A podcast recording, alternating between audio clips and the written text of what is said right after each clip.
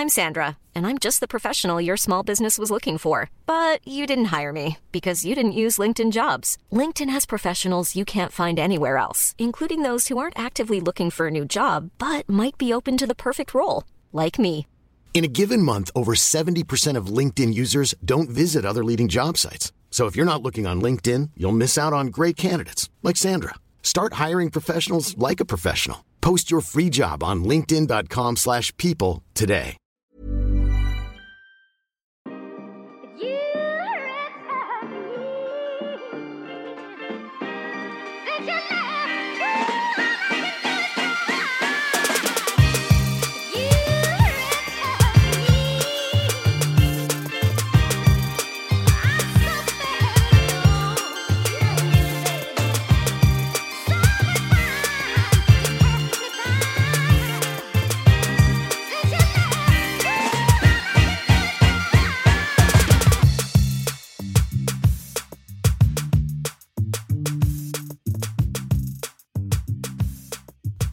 Hörni, hej och välkomna till Okrystat med mig Asabia. och idag har jag inte med mig min bättre hälft och Poco tyvärr. Det hade det behövts för jag, jag sa det till mina gäster innan.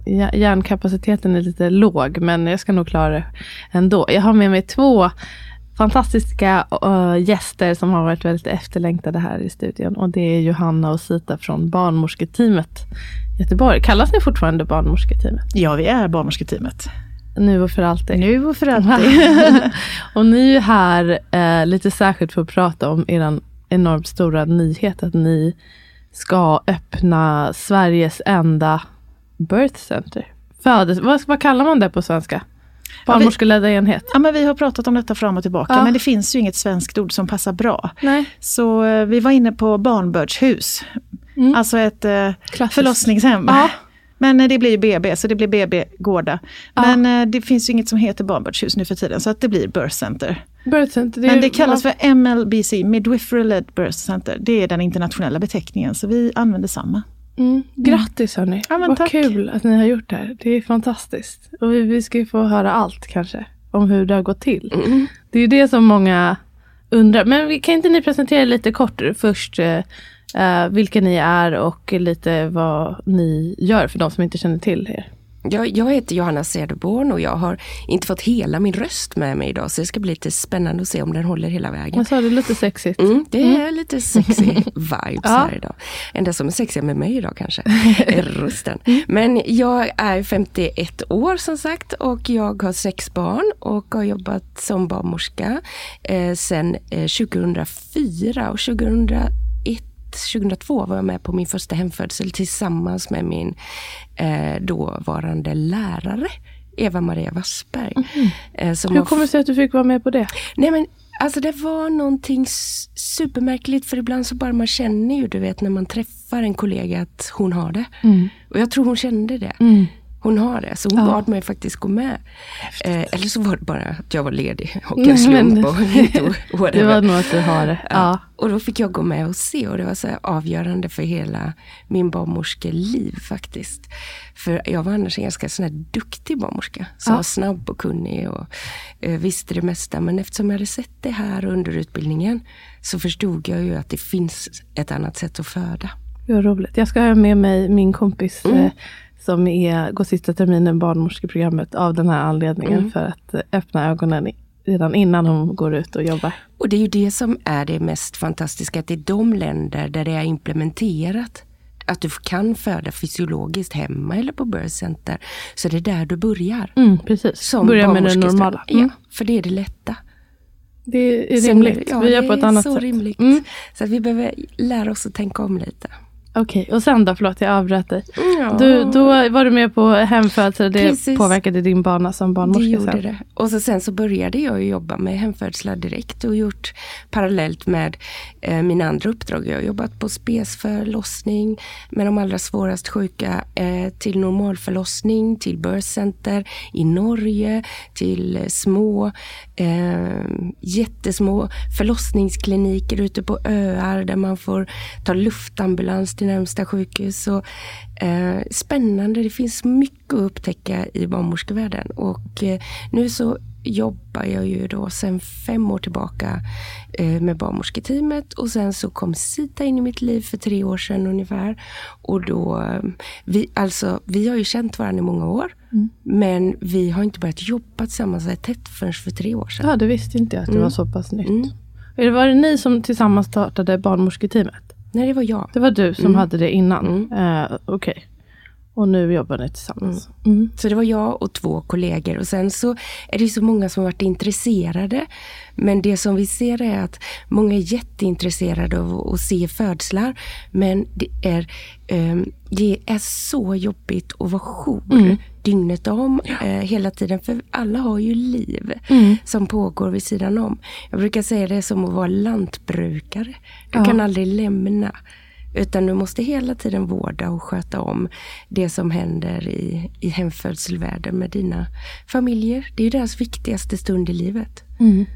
Och det är svårt att rekrytera då förstås? Alltså ja, någon som verkligen kan ta på sig det? Eftersom eh, vi tog så lite betalt under många, många år så gjorde vi det mer som en service. Mm. Och därför var jag tvungen att ha två och tre jobb vid sidan av. Mm. Och det blev ganska slitsamt. Jag förstår det och du har sex barn också. Ja. Herregud. Fyra barnbarn. Imponerad mm. mm. Men de sköter sig själva väldigt bra. De blir inte så bortskämda när de har en barnmorskemor. Nej. Har de varit med på några födslar? Inte födslar, men de har varit med på väldigt många hembesök. Ja, jag tänker mig. Okej, fint. Eh, eh, mycket erfaren barnmorska med andra ord. Sita, vill du berätta lite om dig? Ja, men gärna. Jag eh, har fyra egna barn. Ja. Ett barnbarn, vi får börja där då, eftersom du slutar där Johanna. Mm. Eh, jag har jobbat som barnmorska ända sedan 92. Eh, och då började jag på jag började på Sahlgrenska som fanns då fortfarande i Göteborg. Vi hade ju tre förlossningsenheter på den tiden i Göteborg. Och där hade vi även en ABC-klinik. Mm. Så efter ett år när jag hade jobbat som barnmorska så blev jag vill du berätta vad ABC-klinik är ja. för de som inte vet? ABC är en alternativ födelseenhet, alltså Alternative Birth Center sa man då på den tiden. Mm. För det var inte det normala att föda så, men mm. det är ju egentligen det normala födandet vi hade där. Mm.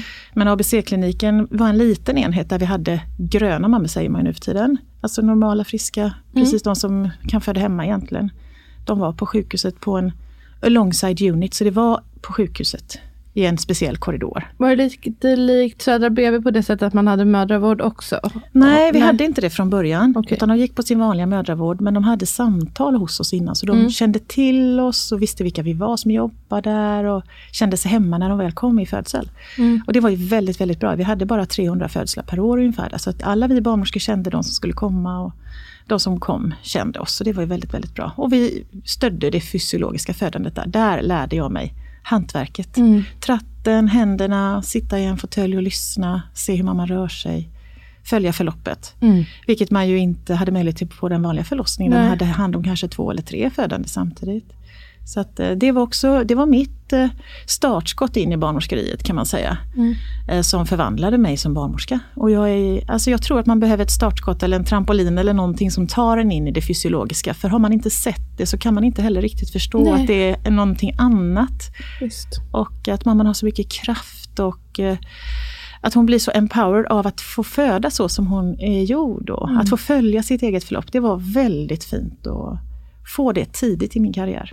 Så det har präglat hela mig. Mm. Mm. Lite likt då? Mm, ja. Väldigt likt. Sen har jag jobbat på förlossning i många år, men jag har också jobbat många år inom mödravård. Och eh, där var ju förberedelsen någonting som jag förstod var väldigt, väldigt viktigt för mm. att det skulle bli en fin födsel. Och jag har jobbat med eh, magplasket, alltså vattengympa för gravida, ända sedan 95. Så det har vi snart jobbat med i 30 år. Och likaså kände jag också med profylaxen som var på väldigt framgång i mitten på slutet på 90-talet igen, då blev det en boom tillbaka att nu skulle alla gå Annas profylax, hette det då, mm. profylaxgruppen. Eh, men där blev jag lite, nej men det ska vi barnmorskor göra. Det här är barnmorskekonst. Mm. Så då drog jag igång profylaxbarnmorskorna 2007. Och sen så har det rullat på. Ja, väldigt och allt möjligt. Tungbandskliniken var det någon som frågade om. Kommer mm. det finnas kvar? För det har ni också. Mm. Är det, en del av... Det, nej, det är jag som eh, personligen, eh, när jag höll på och Eh, eh, och forskar på kolik, eller hjälpte till i en forskningsstudie som publicerades 2017 kring akupunkturbehandling och kolik. Så startade jag något som heter Kolikhjälpen. Så jag hjälpte barn med spädbarnskolik och, och utbildade personal i det. Och då när jag höll på med det så upptäckte jag att en viss eh, grupp av barnen blev inte friska efter de här tre veckorna som jag hade som behandlingsintervall. Då. Och, och de hade problem med kort tungband. Och då började jag nörda in mig på det här. Jag är nog kanske en liten nördperson. Mm. Så då kom jag i kontakt med en, en läkare som heter Bobby Gahiri som verkar i USA och en annan som heter eh, Dr. Kotlov som var extremt duktiga och ingår i ett nätverk Eh, och då lärde jag mig att klippa tungband riktigt, riktigt bra. Så det har jag fortsatt med. Okej. Så att, Ska du fortsätta jag nu? Jag kommer fortsätta med det. Så det är faktiskt bara jag personligen som, eh, som klipper tungband. Då. Okay. Det var några som undrade mm, det nämligen. Det kommer det vi fortsätta kvar. med. Men på, det kommer vara på BB Gårda istället för okay. min Allt andra samlat. mottagning. Mm. Bra. Var det något du ville tillägga Sita eller är du nöjd så med beskrivningen? Nej men jag kan ju beskriva också att jag sedan 2019 2019 eh, drog igång Barnmorskeakademin. Mm. För jag, när jag började jobba på klinik igen, eh, jag var ju inte på förlossningen i kanske 20 års tid. Men när jag kom tillbaka till kliniken så förstod jag väldigt snabbt att oj vad den här kunskapen om fysiologiskt födande har bara försvunnit. Mm. Eh, så då kände jag, vi måste göra något åt detta.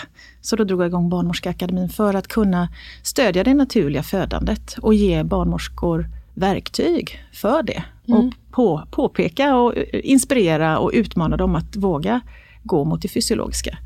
Och vad är Barnmorskeakademin? Ja, men Barnmorskeakademin är då, vad, tanken var egentligen först att vi skulle ha föreläsningar, workshops eh, och även hänvisa till andra goda föreläsningar och konferenser och så. Eh, det fanns ju inte jättemånga andra som var så bra, så jag fick börja åka runt själv. Uh -huh. Så nu åker jag ju eh, när någon klinik vill ha mig. Eh, så kommer jag kan, kan berätta om eh, hur vi bevarar det gröna grönt, hur man bevarar det normala normalt inne på förlossningen. Öppnar ögon för alla våra rutiner och hur vi kan påverka allting negativt med våra manualer och rutiner och så mm. vidare. Mm. Men sen har vi också fått en förfrågan för några år sedan, det var väl 2020, 2021 någonting. Som Johanna och jag fick en fråga om vi kunde komma till Uppsala och börja prata om vattenfödslar. Mm. Uppsala ville starta upp vattenfödsel. Mm. Eh, så då åkte jag dit och sen dess så har jag åkt runt till väldigt många kliniker och hjälpt dem implementera vattenfödsel. Jättekul. Så eh, från 2019 då var det ju fyra av 44 kliniker i Sverige som erbjöd vattenfödsel. Nu är det faktiskt 22 kliniker av 44. Så att eh, det händer någonting det händer. i Sverige. Ja, det, det är jättekul. Mm. Och det är jag faktiskt väldigt stolt över. Det ska du verkligen vara. Ja, det är kul. Båda ni, så drivna mm. kvinnor, verkligen. Underbart. Hörrni, är ni redo uh, att få jättemånga frågor från uh, våra lyssnare om ja, det här? Underbart. Ni, ska, ni är här som sagt för att ni har öppnat, eller ni ska öppna BB Gårdar. Vi kan väl börja där, när öppnar ni? Vi får öppna den 2 januari. And, då, mm. då är man där, någon där och föder? Det vet vi ju inte, Nej. för vi styr ju inte det. Nej. Men då är det öppet fråga. för det? Ja, då är det öppet för att föda, absolut. Okej, gud vad spännande. Mm. Um, det är många som undrar helt enkelt hur ni har lyckats, från idé till handling. Hur är det här möjligt? Hur lång tid har det tagit? Hur har det gått till att få till det? Mm. Och vems idé var det? Var det ert initiativ? Nej men det var ju en gemensam idé som växte fram kan man säga. Men jag har närt den här tanken ända sedan 97 när ABC stängde på Sahlgrenska. Mm. Jag var väldigt snabb på bollen och sa men det här måste vi öppna igen. Mm. Och alla har fnyst Det är många som säger mig. det. Nej men alltså det kommer inte gå Nej, Sita, vad håller du på med? Det, det var då. Det och kanske har... är någon svensk grej, för det hör man också. Jag har hört ja. det så mycket, så här, det, det, går inte Nej. att göra här. Enkelt. Och det, det roliga är så här, får man det? Ja. Vad har ni för tillstånd? Mm. Och så vidare. Och eh, kan ni jobba utan läkare? Och då tänker jag så här, oj, inte ens barnmorskor själva förstår att de har en egen legitimation. Mm. Det, och, och liksom att vi kan verka inom vårt legitimationsansvar. Mm. Sen måste vi följa exakt alla regler som, eh, so, som reglerar eh, individer som har eh, en legitimation. Precis, men det är ju precis som att bistå en hemfödsel. Exakt. Ja exakt. Och det var där faktiskt det började, för vi hade ju nått våra tak. Vi kunde inte ta fler än 50 hemfödslar per år, jag och Johanna. Vi har ju någon barnmorska till som tar någon, barn, eh, någon hemfödsel. Men eh, det är mest Johanna och jag som faktiskt har haft de här alla födslarna. Och det är inte hållbart arbetsliv att hela tiden vara på jour eller beredskap. Så vi var tvungna att säga nej till väldigt många som ville föda med oss och det kändes ju inte bra. Vi vill ju kunna bistå de som ändå vill få hjälp. Jag vet inte om folk då, förstår det, hur krävande det faktiskt är. Just att man, det här med att man kan inte planera. Ni måste vara jour och tillgängliga då hela tiden och året mm. om. Det, inte... det, eh, det, blir ju att man blir fruktansvärt duktig eh, som individ att planera. Ja. För att så fort jag ska åka bort då måste jag ha tre olika packningar med mig och jag måste ha fyra olika handlingsplaner för helgen om vi är bortbjudna och så vidare. Så vidare, så vidare. Alla vet om det. Mm. Och, och, våra familjer lever ju med ja. det. Våra män är ju extremt, eh, ska inte säga snälla, fogliga, men alltså de, de sätter ju också vårt arbete först. Ja men det är klart du ska åka på födsel. Det är ju väldigt hjälpsamt om man har en hjälpsam partner. Ja. Mm. ja. så när jag reste mig mitt i en förrätt på ett bröllop i sommar så var det ju ingen som tyckte det var konstigt Nej. att jag behövde åka på en födsel. Men, men man kanske inte vill jobba så alltid. Nej, eh, det kan man göra några år för att satsa på det här eh, och få kunskapen och tillgängligheten. Men, men nu var det dags också att ge vår kunskap vidare till andra barnmorskor. Så tanken är väl också att vi vill rädda kvar barnmorskor i barnmorskeri och lyfta det här med det fysiologiska. För den kunskapen försvinner ju snart. Ja. Vi går snart i pension, hallå det börjar bli bråttom. Ja. Så, så att, eh, hur vi började bygga var egentligen att när jag började bygga barnmorsketeamet så byggde det på tanken att vi skulle vara flera barnmorskor som var fristående egenföretagare som skulle samarbeta om jourerna. Mm. Så så startade vi egentligen. Men sen så såg vi att det det är väldigt få som vill jobba så som en egenföretagare för extremt mycket arbete att vara egenföretagare mm. eh, som man inte riktigt förstår. Så det det blev att det var, det var väldigt få som orkar med att leva sånt liv. Man tycker att det är skönt att vara anställd, vilket det är. Mm. Det är väldigt speciellt att vara egenföretagare. Och då så förstod vi att vi behövde organisera oss på ett annat sätt. Men själva den, mm, vi har delat upp vårt jobb så att jag är den som handlägger det medicinska ansvaret kan man säga. Alla är ju ansvariga för sitt eget arbete men du behöver ha en någon som är verksamhetsansvarig. Mm. Och då har du regler att förhålla dig till och riktlinjer som ska skrivas. Och då skrev jag det utifrån att vi bara skulle kunna ta klivet in i att göra det här. Så redan när vi började jobba med hemfödslar i tidigt skede så, så hade vi den tanken med oss att kunna bygga på så att vi får större volymer. Mm. Även om vi bara var några få barnmorskor då och alla kunde allting utan till så behövde vi ha det nedskrivet. Så det var ett ganska naturligt steg faktiskt det här. Men var tanken då, för, för hur länge har, har, ni jobbat med hemfödslar inom barnmorsketeamet? Det sa du kanske? Ja, inom barnmorsketeamet sedan 2018. Och var tanken då, målet redan, ja, att öppna ett liknande BB-gårda?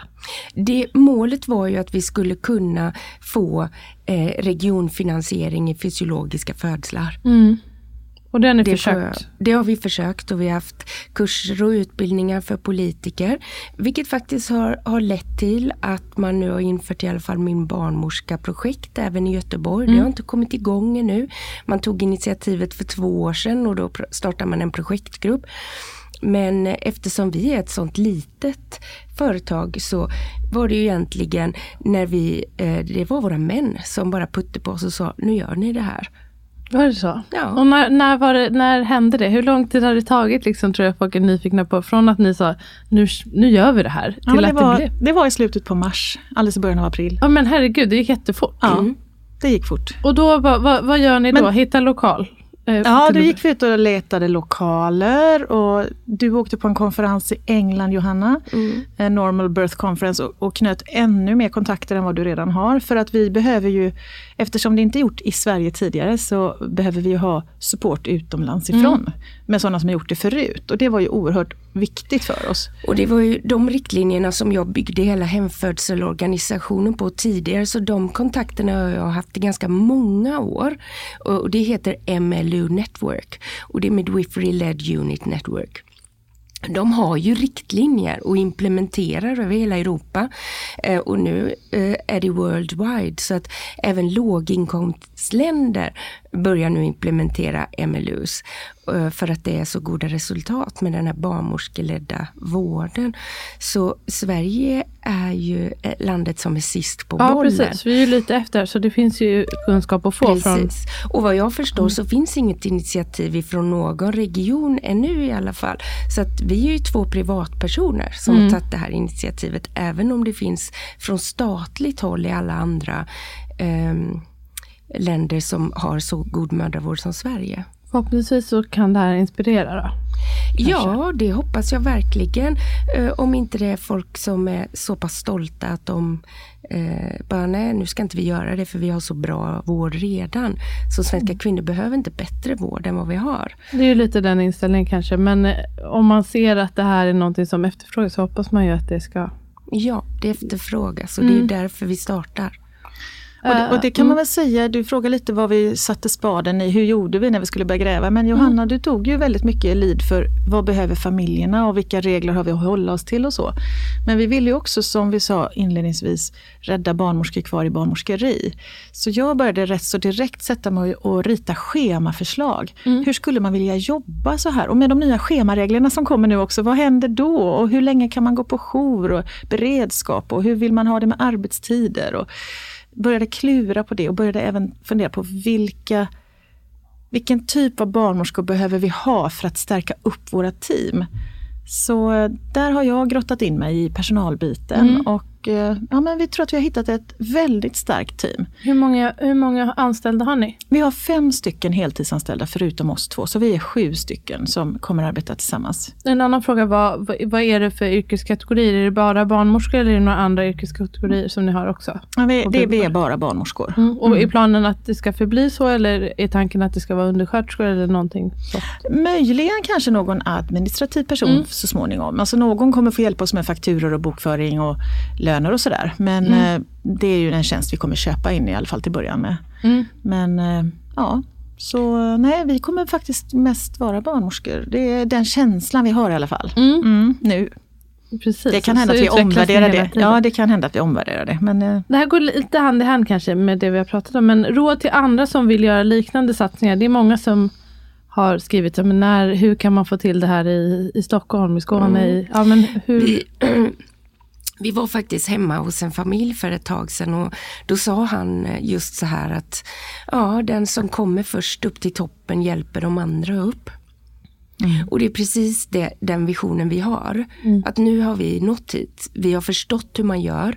Vi har dissekerat i åratal regler kring eh, att bedriva pr privat eh, förlossningsvård. Precis, det, den är ju jätteviktig mm. också. För det tror jag, eller där har jag ingen aning Nej. om sådana där. Så. Nej, och det, det kan jag liksom rabbla i sömnen. Ja. så bara för att när du är en sån här liten aktör som vi är så blir du ganska hårt ansatt. Mm. Man blir lite rädd för de här maktpersonerna för de, de kan vara lite skrämmande.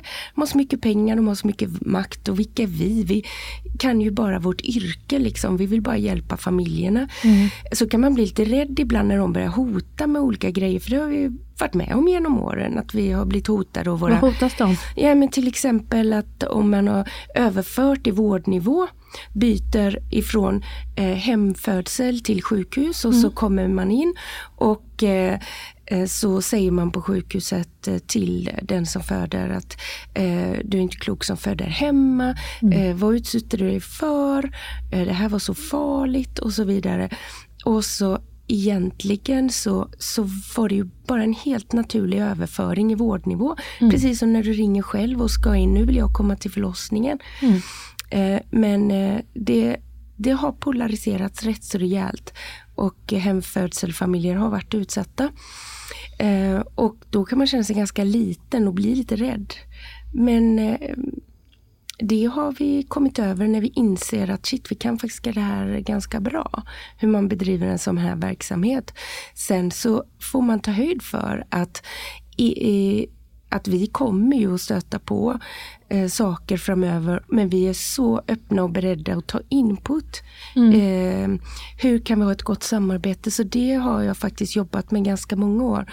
Och, och försöka jobba på kommunikation. Eh, så fort att det har hänt någonting så tar jag en personlig kontakt med den personen. Hej, vad var det som hände här? Varför blev du så arg? Mm. Och så vidare. Men så råd till andra är att eh, dels snöa in sig på det här med reglerna, dels kanske hitta inspiration och kunskap från er mm. som har bana väg. Sen finns det det finns ju, det här Musa Network och MLO Network. Vi kommer ju ingå i en, en stor forskningsdatabank som är worldwide forskning kring MLU. Så att det finns, allting finns. Mm. Det drivs ju, jag menar jag har jobbat i Tynset på ett, en födestua som har 50 födslar per år. Där har du två och en halv timme till Trondheim som är närmsta sjukhus. Och det är vårt grannland, de har bättre siffror än vi. Mm. Så det går visst det att implementera jätte jättefina eh, små enheter uppe i norra Sverige så kvinnor skulle slippa åka fyra timmar i snöstorm. Jag tror så. att det här bara visar, som du säger, man får. För ja. jag tror att det är bara också en stor block mm. många har. Att vad får man, vad får man mm. inte göra? Och Men jag, du behöver ha en god kommunikation mm. med närmsta vårdinrättning. Mm. Du behöver ha ständig träning och du behöver ha eh, överföringsregimer, alltså eh, standards för hur du gör när du byter vårdnivå. Och då blir det säkert. Mm. Och jag tror att man ska gå tillsammans. En person orkar inte driva upp det här själv. Nej. Utan man behöver ha parhästar att eh, brottas tillsammans med och gå i armkrok med. Så de som vill starta upp, jag tänker gå ihop några stycken, två, tre stycken och titta på olika saker. Eh, så att man inte grottar ner sig i precis samma saker utan att man blir intresserad av olika saker, olika mm. infallsvinklar. Eh, så kommer man längre. Så vill man komma långt och genomföra det här så behöver man gå långsamt i takt och medvetet göra sina strategiska val. Mm. Eh, inte bara hoppa upp som en eh, gubben i lådan och tänka att nu ska jag starta ett utan man behöver också lära sig mycket om fysiologiska födslar. Mm. För det här är, det såg vi ju på de barnmorskorna som gick bredvid oss mm. eh, under några år. Att eh, man kan vara en jätteduktig sjukhusbarnmorska, mm. men när det kommer till att sitta hemma vid ett badkar. Det är svårt. Eh, väldigt svårt, för det, vi har så mycket saker som är inpräntade som sitter ifrån kulturen på det sjukhuset där vi har jobbat och mm. saker som vi tror är extremt viktigt som inte alls har med födseln att göra egentligen utan som mer handlar om rutiner och riktlinjer och vanor som vi har inne på sjukhuset. Mm. Att få ut sjukhusbarnmorskan ifrån barnmorskan, det har varit det svåraste för oss och tagit faktiskt väldigt lång tid i, i vissa fall. Lära om. Och lära om, ja. lära, ja, lära om. Back to basics. Mm, den är jätteviktig. Så den att är superviktig. Också att det ska vara säkert på riktigt. Att ja. man inte tar med sig Nej. sjukhuset För vi har ju till exempel inte CTG. Vi Nej. har inte ens lustgas. Vi har, vi har... Det var ju en del frågor om det också. Ja. Det är vissa som undrar om Ja men det som är smärtlindringen, finns det lustgas? Och någon som undrar om det finns epidural och så vidare. Då kan ni kanske be, i och med det förklara hur ni tänker kring, ja men dels med smärtlindring och tänker kring säkerhet och vad som, vilka som platser att föda där. Hur man gör det säkert. Jag tänker att eh, lustgas i och för sig, det finns ju på vissa birth centers i England och så. Men hur, är det någonting ni tänker att ni vill införa sen eller vill ni skippa det för att det ska vara så fysiologiskt som bara möjligt? Eller alltså det vi har sett är att många eh, tar ju smärtlindring eh, för att den är lättillgänglig. Mm. Ja. Så eh, det Många väljer ju oss för att det inte finns lättillgänglig eh, kemisk smärtlindring. Mm. Men vi använder ju den andra typen av smärtlindring, framförallt vattnet. Eh, huden är vårt största organ, så då får du också en ökad oxytocininsöndring när du är i vattnet. Oxytocinet bedövar nervrötterna eh, i ryggmärgen. Oxytocinet förändrar minnena så att de inte, eh, efter du har fött, så, så upplever du inte smärta smärtan som det stora.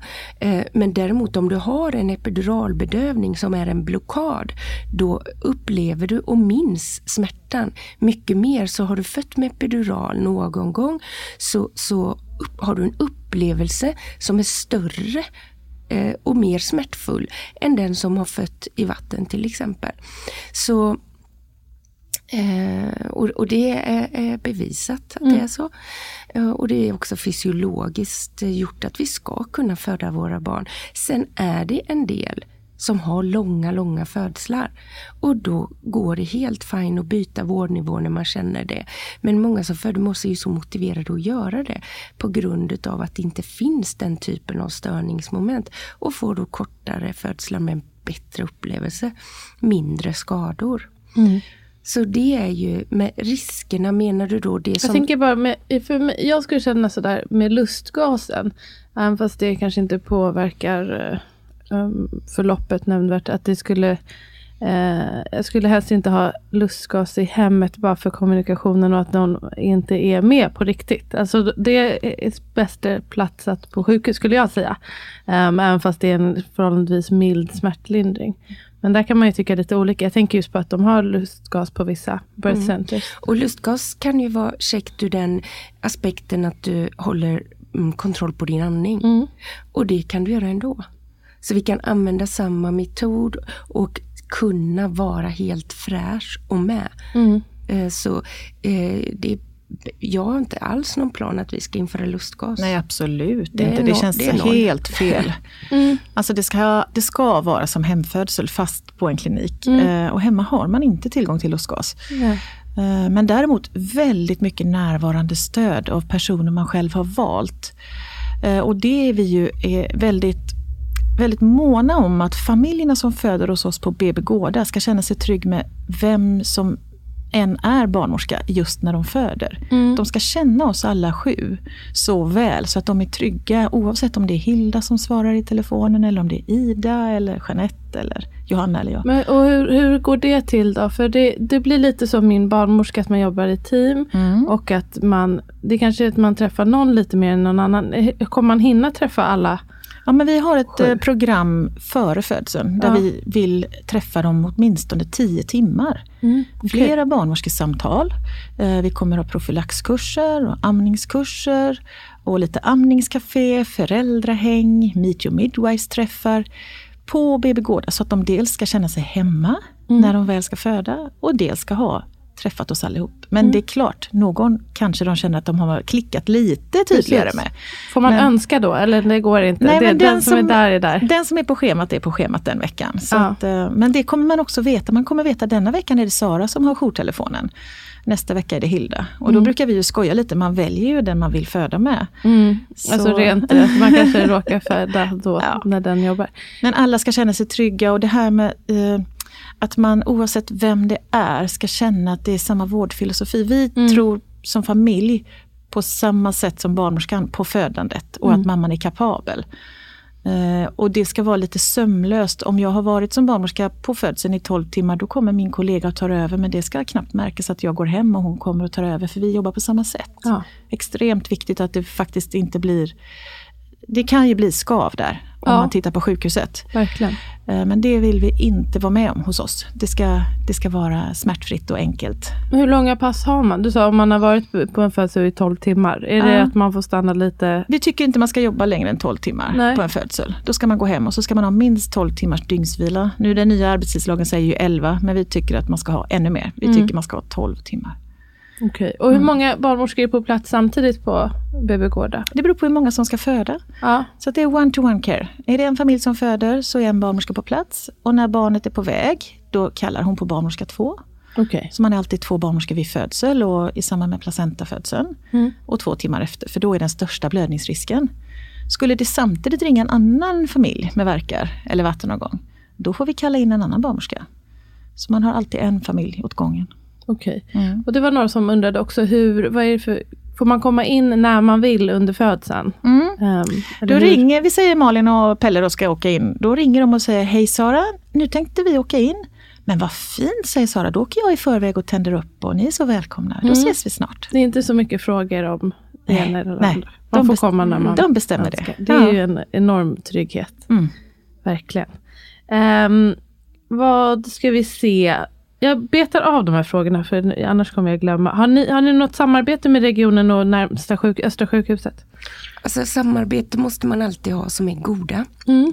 Så eftersom vi har varit anställda där båda två i flera år så har vi jätte jättemycket goda vänner där. Mm. Och vi har träffat ledningen och eh, neonatalavdelningen och informerat och visat hur vi jobbar.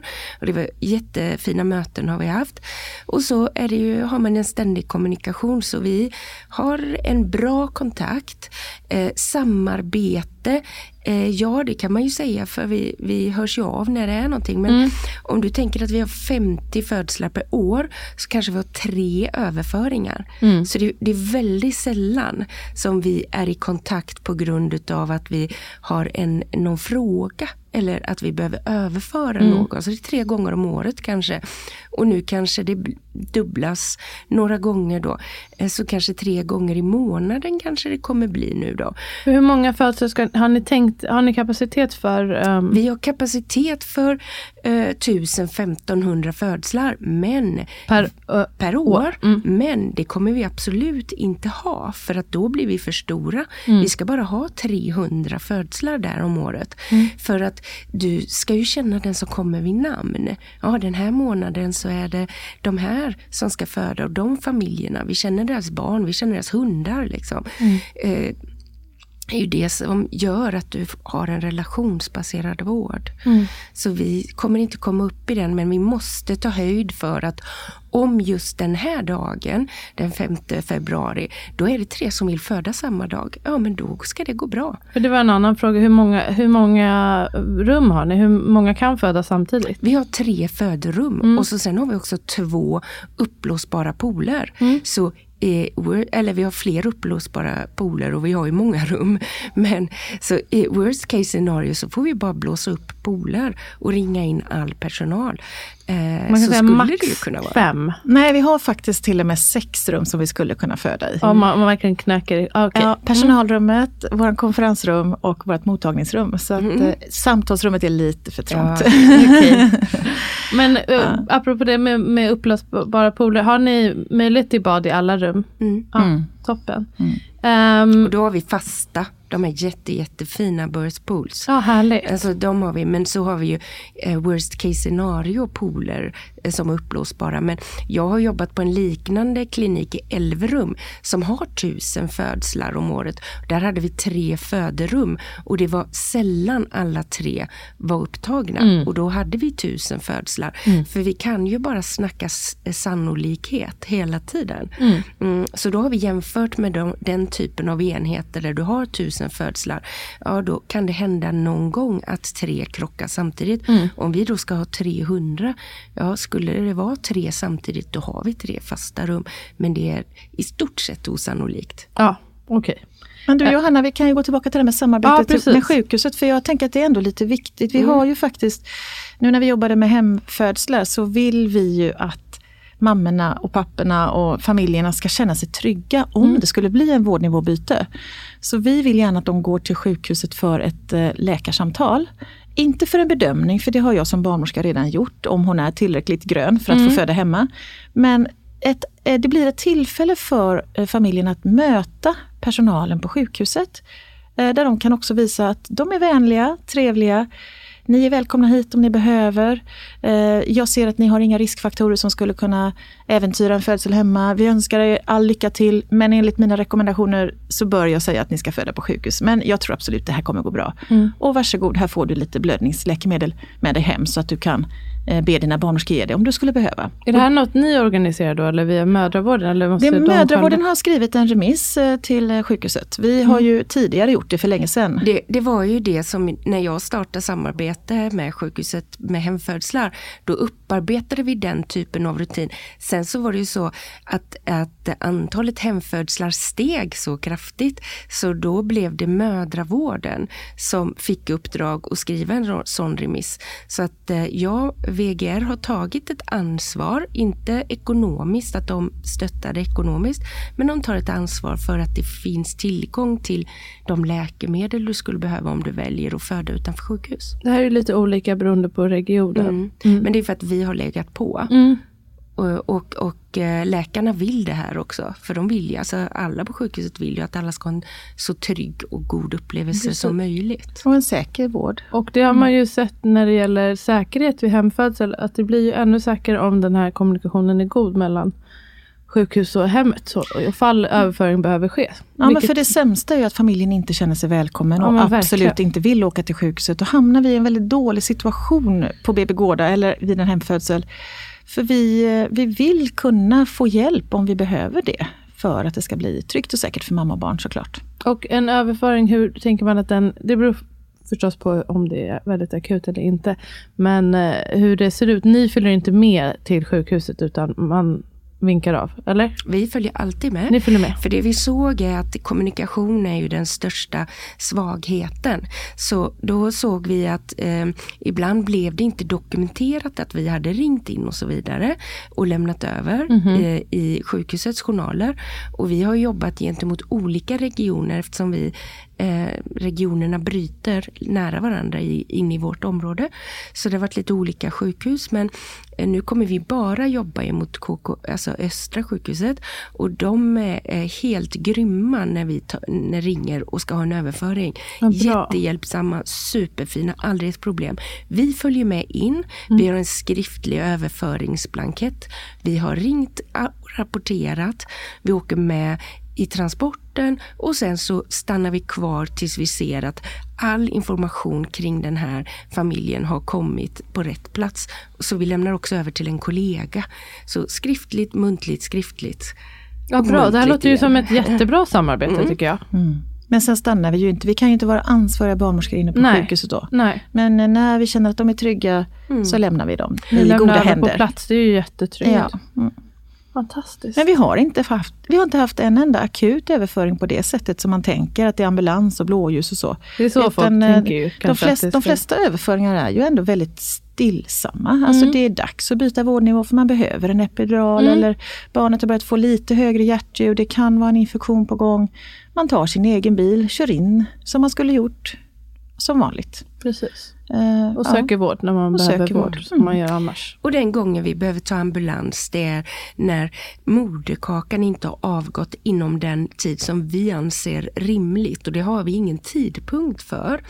För att det är alla föder vi olika, både vårt barn och vår moderkaka. Mm. Så det finns riktigt bra forskning på det. Vi har ingen tidpunkt utan det är en individuell bedömning utifrån situationen och den jag har framför mig. Då är, behöver vi ta en ambulans. Om vi skulle få en blödning så måste vi kunna ha den födande eller den som har fött liggande så vi kan göra en aortakompression. Mm. Och det är i stort sett enda anledningen till att vi behöver ta en liggtransport in till sjukhus. Så att vi skulle kunna agera utifrån att men nu ligger BB Gårda sju minuter. Och det skulle jag fråga också. Mm. Det ligger supernära. Ja, så att det, vi hinner ju knappt eh, in i ambulansen och sen så är vi där. Mm. Så att eh, jag citerar en dansk läkare som brukar säga att det är ju tryggare att föda hemma för det tar eh, snabbare innan problemet har detekterat och personen är i kontakt med sjukhuset och, och, och nästa vårdnivå än det tar när du är på sjukhuset och ringer på klockan och personalen kommer innanför dörren. Mm. Nu bara jag citera en dansk läkare, mm. så det har inte ens skett i Sverige. Men det skulle ju kunna vara så att det tar så lång tid som sju minuter också. Mm. Okej. Okay. Och då, vad häftigt att ni hittar en lokal sådär nära som mm. passar. Har ni fått bygga om massa? Och... Jättemycket ja. ombyggnationer. Men vi har samarbetat med Vilundia, ett företag som är helt amazing. Alla har tyckt det här projektet är så spännande. Gud vad roligt. Hade det funnits när jag skulle föda barn så hade jag absolut fött här. Vilket bra initiativ. Så de är så pepp på det här. Det var någon byggingenjör som hade frågat um, vem som har byggt det. Men det, det var färdigbyggt redan. Men, och sen så har ni bara byggt, renoverat. Mm. När, du, när du startar en vård inrättning så ja. behöver lokalerna ha specif specifika klassifikationer. Var det svårt att få bygglov? Det var det den... Nej, mm. det var ju redan klassat som en vårdbyggnad. Mm. Ja, så vi behövde inga ytterligare bygglov. Utan, men ska du ha eh, vård i huset då måste du ha bygglov för vårdbyggnad. Men det fanns redan på den här lokalen. Så det var ju en av anledningarna till att vi valde just den. Ja, jag förstår. Det, det, var kan man säga nästan som en vårdcentral som vi har byggt om. Okay. eh, smärtrehabklinik var det som hade jobbat där innan. Okay. Mm. Så det var handfat i alla rum och du vet, vatten och avlopp och allt ja, sånt där praktiskt. Allt lite smidigare. Alltså det, alltså det är så otroligt mycket regler. Mm. Eh, det är ju som att du, sekretess och så vidare. Det ska vara uh, speciella material i väggarna och så. Så att det inte ska höras emellan och jättemycket regler. Ja, det är väl så det är så, bra. Vi har jobbat med folk som kan, så man får ta in folk som kan sitt område. Ja, så precis. blir det riktigt bra. Det är väl jättebra tips. Det är många som frågar om kriterier för att få föda hos er. Det är många med sina specifika frågor. Det är någon fråga om tvillingar, VBAC, högt BMI, tidigare medelstor blödning, eh, svagt mäckigt fostervatten. Det är många frågor. Sådär. Vilka, vad har ni för krav? Vad innebär att vara frisk? Och förstföderska var det någon som frågade. Får man vara förstföderska? Det är helt friskt att vara förstföderska och ja. föda sitt första barn. Så där börjar vi. Vi har, mm. vi har inga exkluderingskriterier. Vi har bara inkluderingskriterier. Mm. En frisk mamma som ska föda barn och har en normal graviditet och en förväntat normal födsel. Det är våra inkluderingskriterier ett barn i magen. Mm. Eh, två är ju inte eh, i nuläget en normal eh, standard för, utan det är ju en eh, klassificerad som en riskfödsel mm. i nuläget. Så att tvillingar kommer vi inte kunna ha i, till en början med. Det hoppas vi kunna ha sen. Det är inte alltid en riskfödsel men det ingår inte i barnmorskans profession att handha mm. det självständigt utan då går vi in på obstetrikers profession. Mm. Och det är ju någonting som är jätteviktigt att känna till att jag kanske kan handlägga en tvillingfödsel jättefint. Men det ingår inte inom mitt eh, eh, område som barnmorska. Nej, precis. Och det är ju min legitimation jag har, så vill jag jobba som legitimerad barnmorska så håller jag mig inom de riktlinjerna. Mm. Och sen så ska vi alltid, alltid gå med mamman. Men det är fortfarande en avvägning, vad är min legitimationsansvar och vad är en obstetrikers ansvar? Så det som man har sett är att när man har en sån här högfrisk enhet nära en annan eh, högriskenhet kanske, då blir resultaten bättre. Alltså färre kejsarsnitt, färre instrumentella förlossningar, eh, mm, godare förlossningsupplevelser även på det stora sjukhuset. Mm. Det är spännande tycker jag. För deras resurser används där de behövs? Kan man ja, tänka sig. men också att du får eh, eh, att de som ska föda de börjar att förstå att mm. de faktiskt har rätten på sin sida. Mm. Och kan även inne på sjukhuset säga till. Så att många av dem som upplever att Nej, men jag, ni tar ju inte emot mig på BB Gårda. Nej men då säger jag, jag kan gärna hjälpa dig att skriva ett förlossningsbrev. För ett förlossningsbrev är högre i eh, lag att vi följer det. För att det är journalhandling. Mm. Mm jämfört med riktlinjer som ska vara en standardmall för alla. Mm. Och det vet ju inte kvinnorna om, men när de födande får reda på det att ditt förlossningsbrev är, är högre eh, juridisk handling. Det vet inte all, all personal om heller, Nej. men det är bra att du Nej, nämner det. det så så det, det, jag tror att det är det som gör förändringen. Mm. Att vi förstår att vi ska gå tvillingmamman som vill ha en fysiologisk födsel i vatten till mötes. Vi ska gå Vibeck-mamman till mötes som vill föda i vatten. Nu gör de det på Östra sjukhuset, de är grymma. Mm.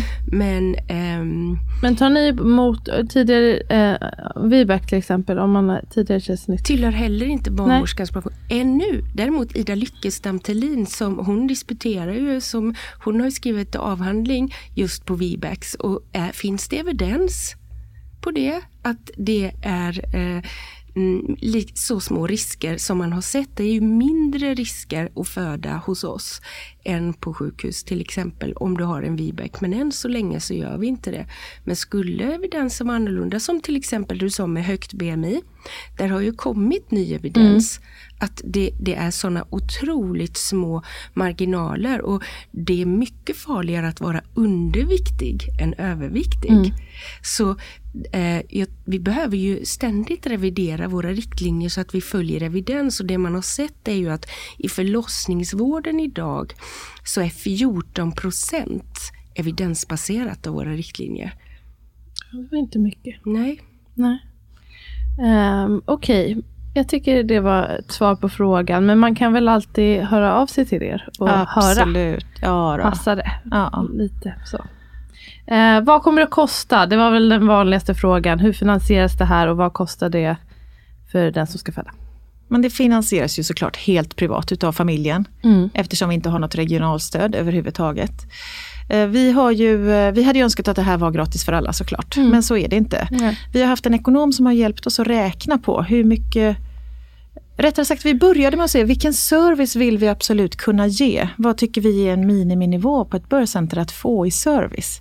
Och hur många timmar går det då åt för den servicen? Alla de här samtalen innan födseln, Får, man får föda hur många timmar man behöver. Mm. Och även eftersamtalet. Vi, vi syns ju dygn ett. Eh, vi gör POX och BB-kontroller och kollar amning och blödning och allt det där. Och sen så ses vi också om de behöver hjälp med amningen i efterförloppet och vi träffas på ett eftersamtal. Alla de här timmarna gemensamt blir ungefär 25 timmar. Mm. Räknar ekonomen ut. Och då är en barnmorsketimma värd 2000 kronor. Man tänker på lokal och alla andra kostnader. Så 55 000 är ett baspaket mm. i pris och då ingår allt. Det finns inga tillägg. Man kan välja till tilläggstjänster om man vill ha gravidmassage eller akupunktur eller tungbandsklipp eller vad man nu önskar. Men, men så det kommer finnas tre olika paket. Ett baspaket, ett pluspaket och ett premiumpaket. Okej, och du, även, du sa att man får föda hur länge man vill. Man behöver inte börja känna sig stressad när det drar ut på tiden, Nej. att det ska kosta mer. Du får föda i din takt. För mm. vi föder i olika takt. Visst är det så. Ja. Och finns det någon, um, det, blir ju, det blir ju så, en ekonomisk fråga. Men mm. finns det någon uh, möjlighet till typ avbetalningsplan? Kan man ja, anpassa efter den? Vi har ett jättefint samarbete med ett företag som heter Medical Finance. Mm. Som eh, erbjuder räntefria lån på två år. Så man kan eh, betala sin födsel under två års tid. Och då blir det lite drygt 2000 kronor i månaden man betalar. Mm. Och det har vi haft några stycken som har gjort under åren. Även med hemfödslarna fungerar jättebra och är väldigt enkelt. Det kommer inga tilläggskostnader. Det ligger en uppläggningskostnad men den tar vi som barnmorsketeamet på oss. Mm. Och då, det var ju några som, det var många frågor om det här just att mm. det är dyrare än vanlig vård. Dels ja jag men du, du, det är en jättebra fråga. Ja. Alltså, det här är dyr vård. Ja. För att det här är himla bra vård. Ja, så kan man säga. Alltså, man, När, närvarande vård, ja. Eh, en barnmorska hos sig hela tiden. Eh, stöttning och peppning och inspiration och hjälp så mycket som man behöver. Eh, man behöver aldrig känna att man stör eller inte får plats eller att man är i vägen. Och det kostar. Ja, mm. det är så. så det är en, en, vi skulle aldrig skryta över att vi erbjuder en billig enkel vård. Nej. utan vi har en, en bra vård som mm. borde vara standard på alla ställen. Och det, du kom in lite på det du nämnde eftervården. Hur ser den ut? När man väl har fött, hur länge är man kvar i regel? Ja, vi vill gärna att man stannar i alla fall två timmar efter att moderkakan har avgått. För då är den stora blödningsrisken mm. över sen, kan man säga. Eh, de flesta vill ju gärna gosa in sig, lägga sig i sängen och amma och mm.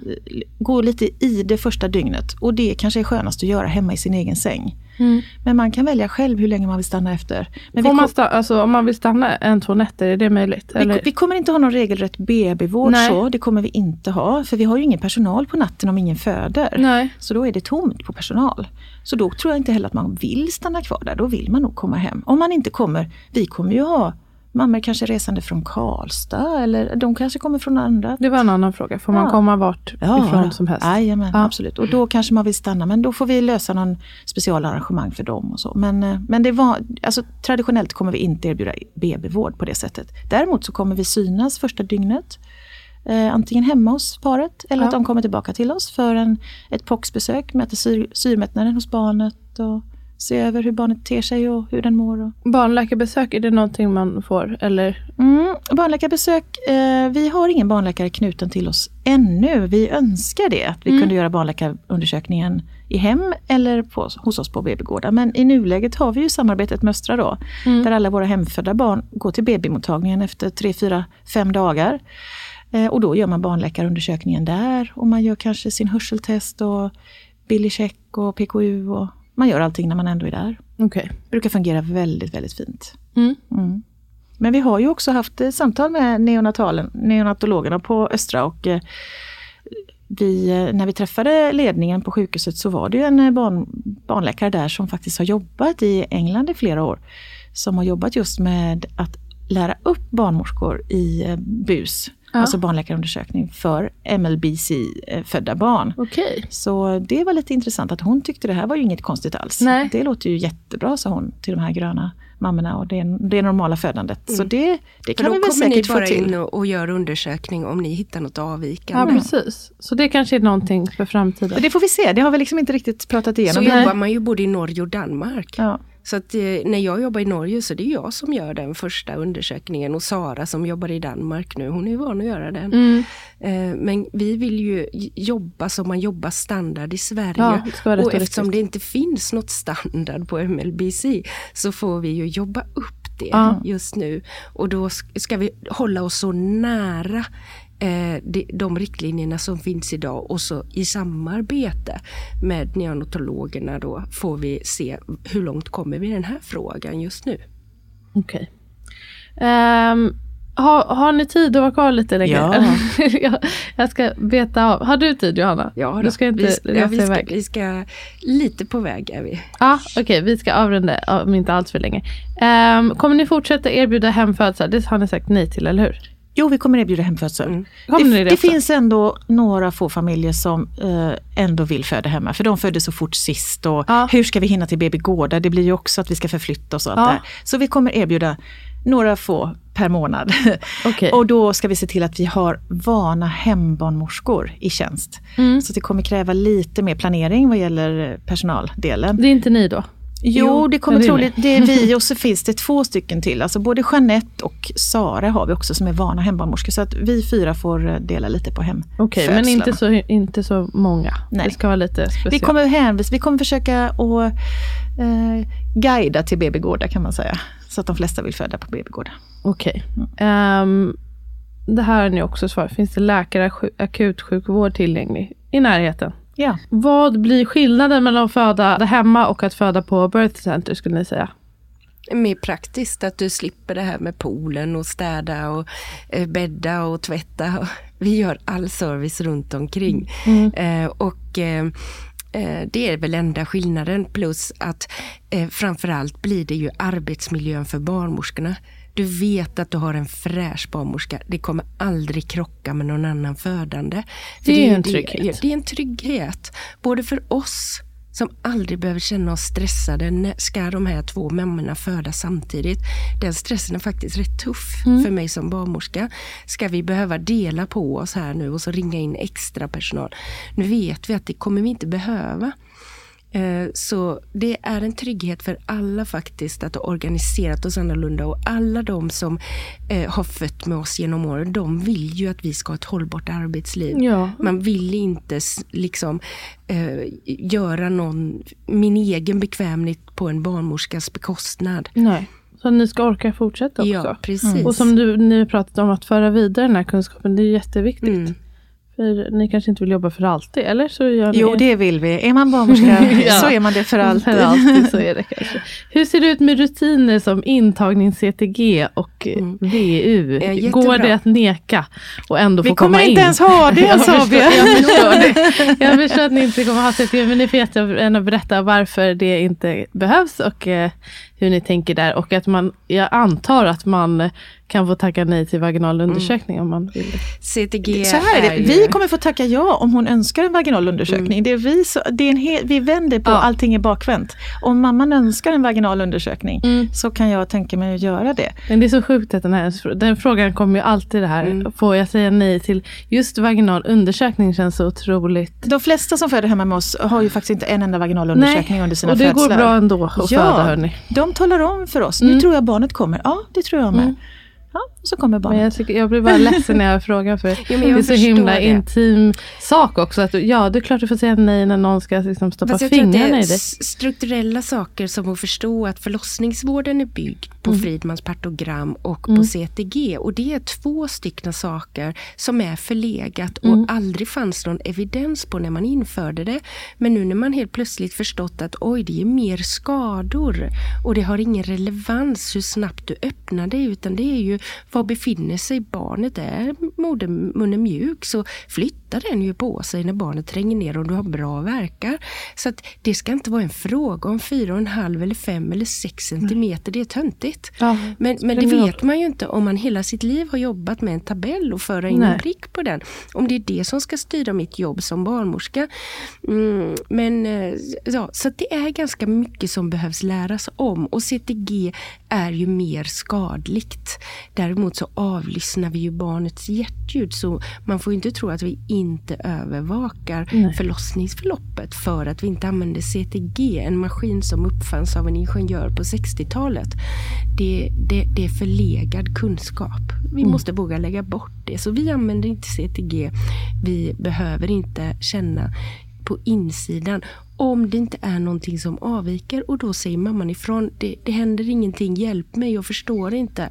Och så ser jag, aha, det kommer lite röd eh, blödning här, lite ljusröd blödning. Aha, det är nog en läpp som sitter framför. Och då säger jag det till mamman, jag tror kanske att du, att eh, det, eh, du har en bit kvar av din cervix framför barnets huvud som kläms nu mellan blygdbenet och huvudet.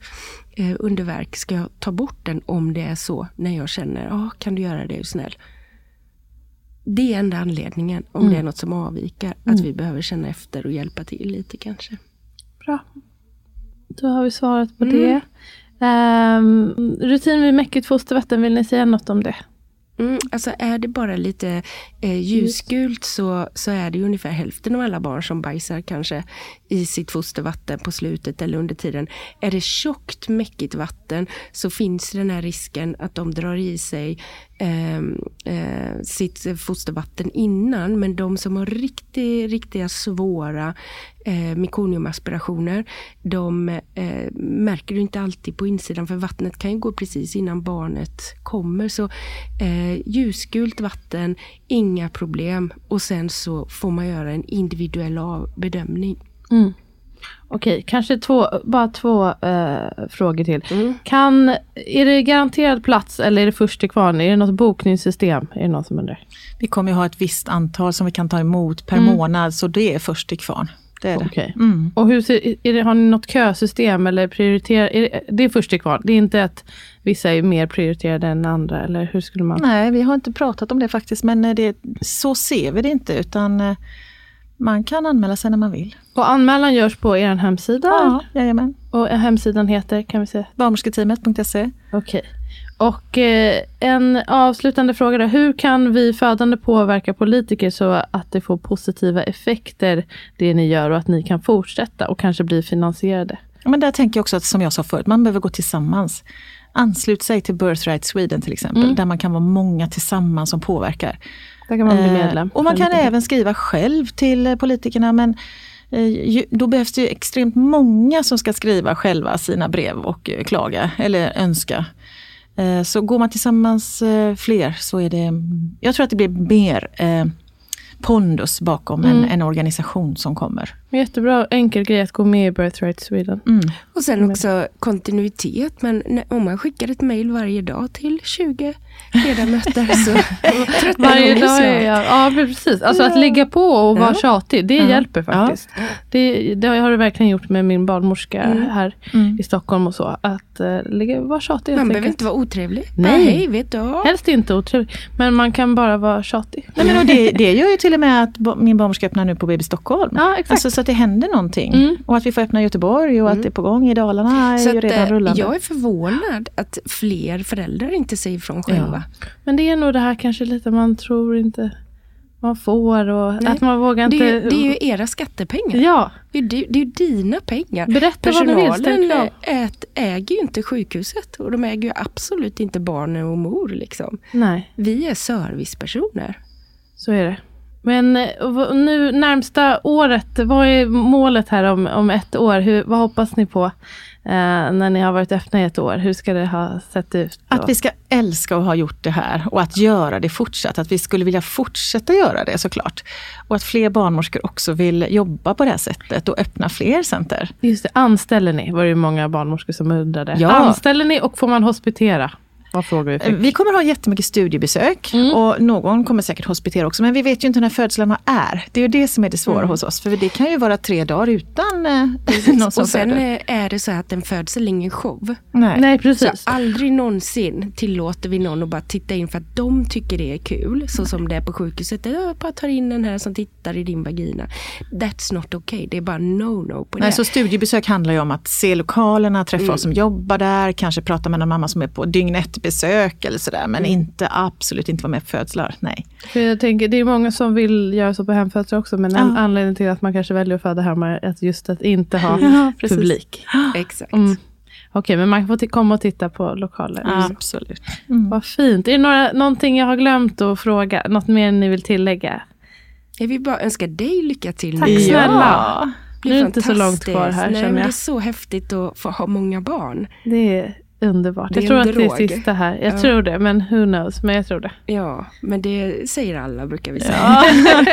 jag tar en i taget, ja. så tänker jag. Ja. varmt lycka till, det, verkligen. Ju fler Tack man snälla. har så det är ju alltid någon som är sams, brukar jag säga. Ja, det är bra. Tack snälla att ni kom. Nu ska ni få rusa iväg. Vi eh, tackar er för ert jobb och att ni gör det här. Det är fantastiskt, verkligen. Mm. kommer bana väg för många av oss. Hurra, vi hoppas det. Ja. Mm. Ha det så bra hörni. Tack, Tack att ni mycket. lyssnade. Tack att vi fick vara med. Hejdå. Hej.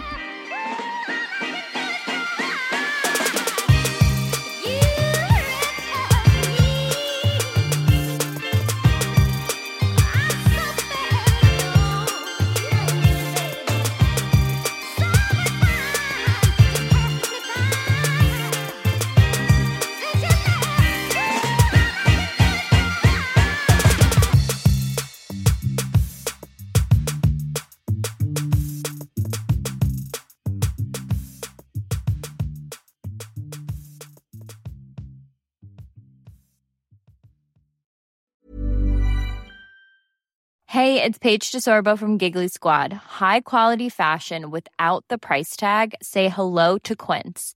I'm snagging high-end essentials like cozy cashmere sweaters, sleek leather jackets, fine jewelry, and so much more. With Quince being 50 to 80% less than similar brands.